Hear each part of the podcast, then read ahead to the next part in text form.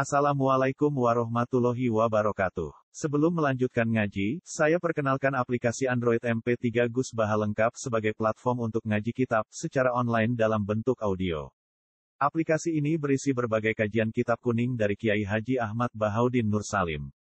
Silahkan download aplikasi MP3 Gus Baha lengkap di Google Play Store. Link download ada di deskripsi. Wassalamualaikum warahmatullahi wabarakatuh. Assalamualaikum warahmatullahi wabarakatuh. Rabbi syrah li sadri wa yassir li amri wa hlul 'uqdatam min lisani yafqahu qawli. Allahumma shalli wa sallim wa barik ala sayyidina Muhammad wa ala alihi wa sahbihi wa barik Asma'in nama ba'du Yang sangat saya hormati Kiai Haji Uksid Idris dan para habaib, para masa yang saya hormati Wabil khusus Eh, senior kami di pondok Bapak Hafidin teman sekaligus putra guru saya Kiai Abdul Ghafur. Uh, saya akan baca tentang bab Mujaddid. Mujaddid itu adalah orang yang dipercayai atau yang dianggap paling sah, paling layak untuk bikin pola-pola solusi atau pola-pola metodologi dalam mengawal perjalanan apa Islam. Mbah Maimun, guru kita semua, ngarang kita Al-Ulama Al-Mujaddidun, di antaranya menyebut eh, sekian sekian mujaddid. Eh, saya teruskan ya. Eh, ini kayaknya memang itu kurang jodoh ya. Karena tadi pengurusnya NU sudah sudah keren, sudah sudah, sudah lebih keren dibanding saya. Ya. Uh, begini ya, jadi Mujaddid itu orang yang dipercaya atau disahkan untuk bikin pola-pola atau metodologi dalam Islam. Kita alhamdulillah di Indonesia misalnya mengembangkan Islam dengan kalimat atau kata-kata yang insya Allah itu mengawal mazhab ahli sunnah apa? wal jamaah. Misalnya contoh yang sering saya sebut, setiap dari kita itu selalu kalau baca sholawat wassalat wassalamu ala sayyidina Muhammadin wa ala alihi wa ajmain dan untuk semua sahabat semuanya. Kata semuanya adalah kalimatun farikoh, kalimatun fasilah, atau kaulun fasil, atau kaulun faslun. Ahli sunnah itu siapa? Adalah orang yang menghormati semua apa? Sahabat. Jadi ajma'in itu bukan sekedar kata rutin, tapi maklumat dari kita bahwa kita berkeyakinan bahwa semua sahabat adalah adil, semua sahabat kita hur ini beda sekali dengan kelompok tertentu dalam Islam yang sangat menghormati Sayyidina Ali tapi sangat menghina Sayyidina Abu jika ajma ini jangan jadi rutinitas tapi memang benar-benar maklumat dari kita untuk orang sekeliling kita, untuk anak cucu kita, untuk semuanya bahwa ciri khas ahli sunnah wal jamaah adalah ditandai dengan menghormati semua sahabat. Dengan tradisi pemaknaan seperti ini maka kalimat ajmain atau kata ajmain ini keluar an ilmin wa an bayinatin, keluar dari rumus ilmu dan dari kesaksian ilmiah. Kesaksian ilmiah misalnya begini. Andai kan Abu Bakar itu malun, orang yang kena laknat, berarti Nabi itu salah pilih teman. Andai kan Sayyidah Aisyah itu malunah, berarti Nabi salah pilih istri. Jadi ketika kita tidak bisa detail secara ilmiah dengan argumentasi secara ilmiah, setidaknya kita memaklumatkan secara ijmal bahwa kita adalah menghormati wasohbihi ajmain. Jadi itulah yang dimaksud Mbah Mun saya sering ngaji beliau dan beberapa kesempatan diberi penjelasan juga sama Gus Zofur sebagai putra beliau. Misalnya komitmen ahli sunnah di antaranya apa? kita menghindari mengkafirkan orang Islam apa pun dosanya. Ini juga ditulis oleh Bahmun di antara ciri khas ahli sunnah wal jamaah. Beliau menyebut salasun min aslil iman, ada tiga pokok dalam iman.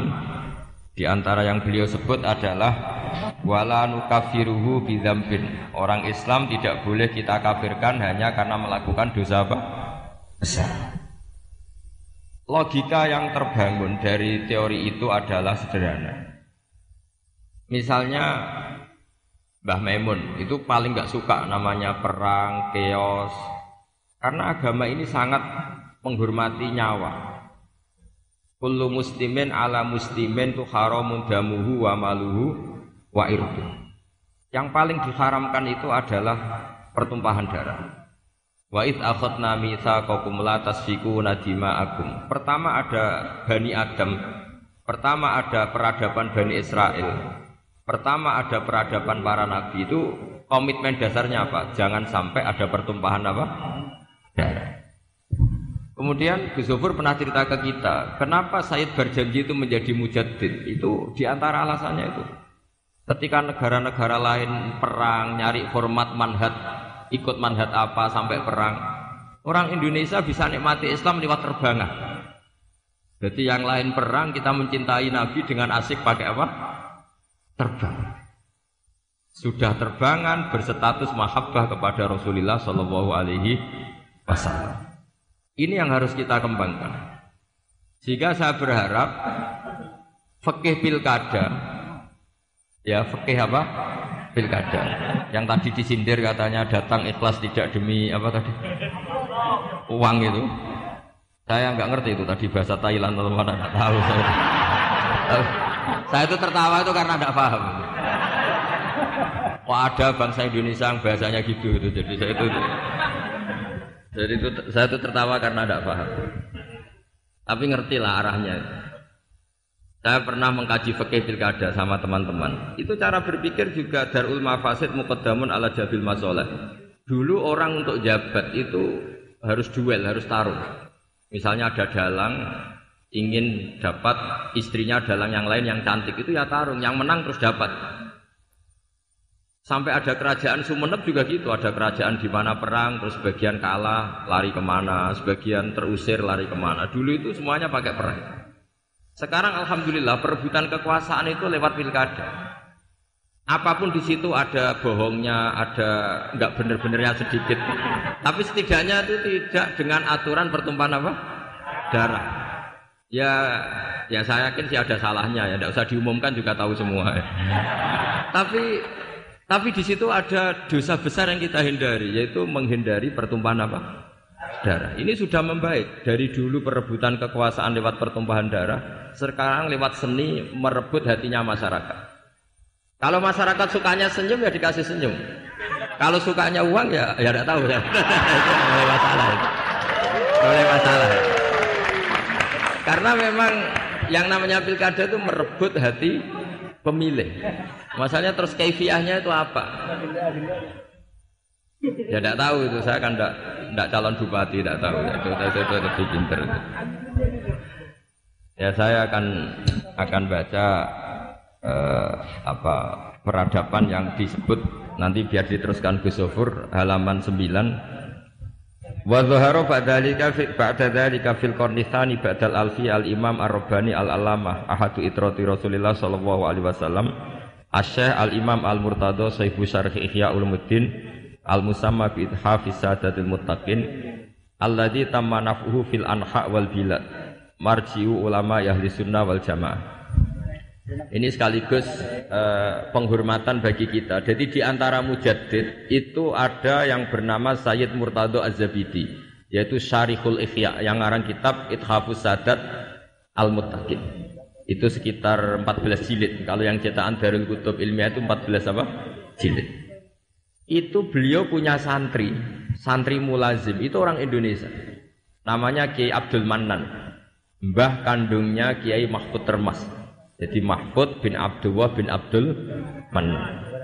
Kemudian Kiai Mahfud ini kita tahu punya murid namanya Kiai Fakih Mas Kumambang Gresik. Kiai Fakih punya murid Bazuber, Bazuber punya putra sekaligus muridnya Mbah Maimun. Ya terus sampai kita, sampai Gus Yofur, sampai kita. Sehingga pikiran-pikiran besar Said Zabidi itu bisa kita tangkap. Misalnya gini, saya sering diceritani Mbah Mun tentang kitab Ithaf. Di antara padanan ya padanan maksudnya padanan itu semua ulama itu pasti punya fatwa yang nggak ada kembarannya. Dan itu polanya umum sehingga ciri khas ulama disebut mujaddid. Itu bisa menganalisis agama dengan cara yang menakjubkan. Kata Said Azabiti begini, Orang Islam ini tidak akan mengalami kekeliruan kayak yang dialami orang Nasrani, yaitu menuhankan nabinya. Tapi juga tidak akan mengalami kekeliruan kayak yang dialami orang Yahudi, yaitu menyepelekan apa? Nabinya. Orang Yahudi itu sering membunuh para nabi. Dan itu rumusnya sederhana, cukup membaca Allahumma sholli ala Sayyidina Muhammad atau Allahumma sholli ala Muhammad abdika wa. Kenapa demikian? Islam itu datang setelah orang Nasrani salah memuja Isa sehingga diposisikan sebagai apa? Tuhan. Orang Islam itu juga muja nabinya tapi pas. Yaitu Allah tetap Tuhan, pemberi. Allahumma sholli, berarti kita minta kepada Allah zat yang super, yang maha dan permintaan penghormatan itu kita berikan untuk hamba terkasihnya yaitu Muhammad maka kata Sayyid Zabidi, wa Muhammadun wa in ala qadru yahtaju ila rahmati wa fadlihi ta'ala. Apa pun kelas tingginya seorang yang bernama Muhammad, tetap butuh sama rahmat dan fadlnya Allah Subhanahu wa taala. Sehingga dengan kalimat solawat itu sudah isbatun li uluhiyatillah wa nafsyun li rububiyati Muhammad. Dengan kalimat ini orang Islam tidak akan kecelakaan menuhankan Muhammad. Karena apa? Allah pemberi, Rasulullah peneri, penerima. Tapi umat Islam akan sangat menghormati Sayyidina Rasulullah Shallallahu Alaihi Wasallam karena semua penghormatan Allah terbaiknya, solawatnya, tahiyatnya, semua yang terbaik bisa kasihkan kepada hamba terbaiknya yaitu Rasulullah Shallallahu Alaihi Wasallam. Maka kalimat ini ya kalimat tauhid, ya kalimat risalah. Karena dengan posisi lafat solawat seperti itu, kita tidak akan kecelakaan kayak yang dialami orang Nas. Karena kita tetap memposisikan Allah pemberi, Rasulullah Muhammad peneri, peneri. Itu kata Said Zabidi. Jadi akan selalu ada ulama yang memodifikasi Islam itu menjadi mudah. Islam yang jelimet karena datang setelah tadi kecelakaan Nabi Isa dituhankan. Sehingga ulama-ulama itu punya cara sendiri untuk supaya Islam tidak mengalami seperti itu. Kalau kita ngaji tauhid, misalnya seorang nabi selain punya sifat sidik, amanat, tabligh, fatona, punya sifat apa? Al-a'rad, al-basyariyah. Nabi harus punya sisi kemanusiaan. Sehingga nabi itu sering dahar di depan umum supaya menunjukkan kalau beliau seorang apa? Manusia. Bahkan Nabi juga pernah sholat duhur itu harusnya empat rakaat, sholat hanya dua rakaat. Ketika ditegur ya Rasulullah ini sholat model baru atau memang nasa mansuh. Karena kalau model baru mereka senang kan, berarti mulai besok sholatnya ada empat rakaat tapi dua rakaat karena kategorinya nasah apa? Nasah manusia. Tapi Nabi memberi penjelasan, tidak saya tidak lupa. Akhirnya Nabi menambahkan dua rakaat, masyur itu cerita itu. Terus kata Nabi, makuntu ansa walakin unas sali asunna. Saya ini sebetulnya tidak pernah lupa, tapi didesain Allah lupa supaya bisa bikin apa? sunnah. Tapi apa pun itu itu menjadi sangat basariah. Saya lagi, apa pun itu itu sangat apa? Basir. Dan basariah Nabi ini menguntungkan Islam, yaitu ciri khas Islam adalah menuhankan Allah saja dan selainnya apa pun hebatnya, meskipun seorang Rasulullah Muhammad tetap namanya abduhu wa rasulullah. Nah, hal-hal seperti ini terus kemudian dilakukan oleh Imam Ja'far Al-Barjanji secara mudah. Kita solawatan, kita terbangan. Dengan cara seperti ini pula kita mahabbah Rasulullah semahabbah mahabbahnya tanpa mendudukkan Rasulullah Muhammad sebagai itu Tuhan karena kita selalu meminta Allahumma Allah engkau kita semua meminta kepada engkau supaya sholawat engkau kamu berikan engkau berikan kepada kekasihmu berarti fawwah wal mu'ti Allah adalah pemberi Nabi adalah benar maka terus statusnya jelas bahwa Allah adalah selalu Tuhan Rasulullah adalah abduhu wa rasul. Sehingga terus kita baca subhanalladzi asra bi abdi. Sehingga kata para ulama, wasfiyatu Muhammad wasfiyah terbaiknya adalah ketika disebut abduhu warasul. Karena tadi agama Islam itu datang setelah prahara atau setelah kecelakaan, setelah kesalahan seorang nabi di Tuhan. Tapi hebatnya ahli sunnah, hebatnya NU, hebatnya pesantren. Menjelaskan ilmu seserius ini itu menjadi gampang. Karena ya daripada umat mikir jelimet, pokoknya kon mau apa? Solawat, serah paham-paham sidik. Semua yang bu, calon bupati mau selawat dan jadi. Ya sebetulnya banyak yang nggak ikhlas juga. Sudah itu nggak penting. Sementing, sementing pokoknya natijahnya itu isbatun li uluhiyatillah wahdah dan isbatun li abdiyati Rasulullah Muhammad sallallahu alaihi wasallam sehingga kita tidak mengalami apa yang dialami orang-orang nas jadi di sini Mbah Mun menyebut wa awwalu man lazamahu min ulama Jawa Ki Abdul Manan khina muqamihi bi Makkah al Musyarrafah. Warwa anhu dzakal kitab. Warwa anhu ay an an Kiai Abdul Manan ibnuhu Kiai Abdullah.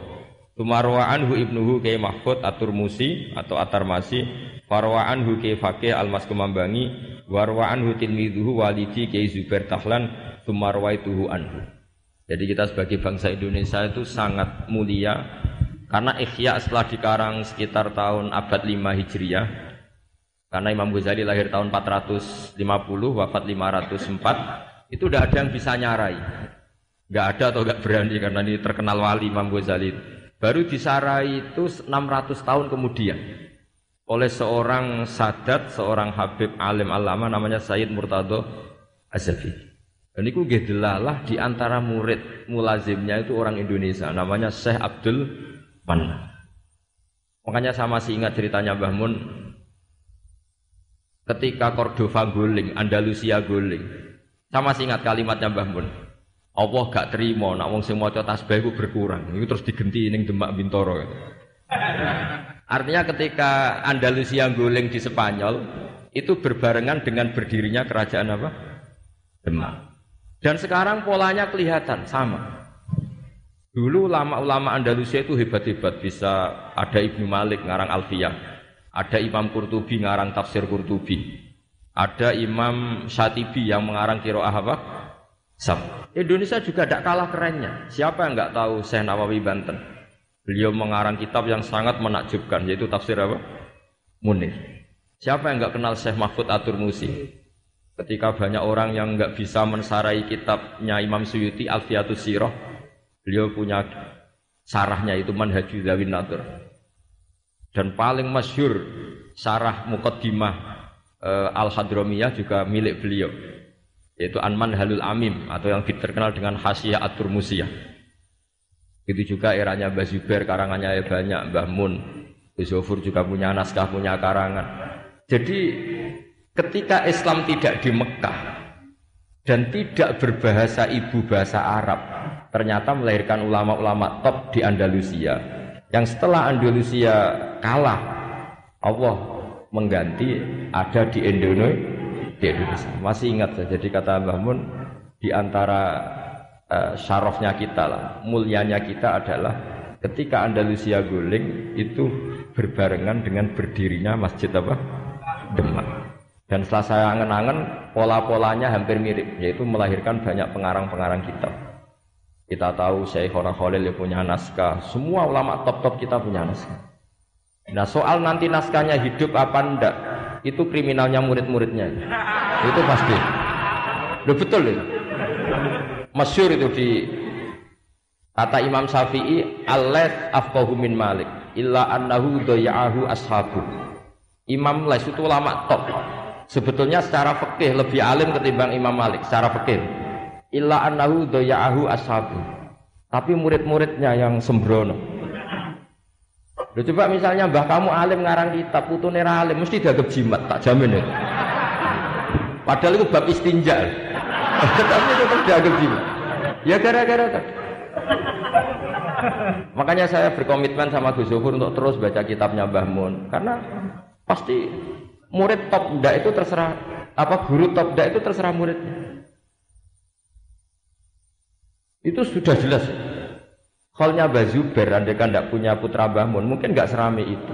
Orang tidak bahas Bazubair lagi, andai kan tidak ada Bahmun. Andai kan Bahmun tidak punya murid-murid, punya apa utamanya putra-putranya, mungkin orang tidak bahas Bahmun lagi suatu saat. Makanya kata Imam Syafi'i ketika komentari Imam Les, Al-Les afqahu min Malik, illa annahu doya'ahu ashabu. Imam Les itu lebih lebih fakih ketimbang Imam Malik. Imam Malik nasibnya baik, beliau punya murid top namanya Imam Syafi'i. Jika kitabnya Mudawan, Imam Syafi'i punya murid Imam Buaiti, Mudawan, Imam Muzani. Setelah itu ada Muhtasarul Muzani. Setelah itu di Muhtasar lagi oleh imam setelahnya. Ada Imam Rafi'i, ada Imam Ghazali. Setelah itu terus mulai Imam Haroman, Imam Ghazali, terus Minhajul Talibin, Imam Nawawi, terus sampai saya Zakaria apa?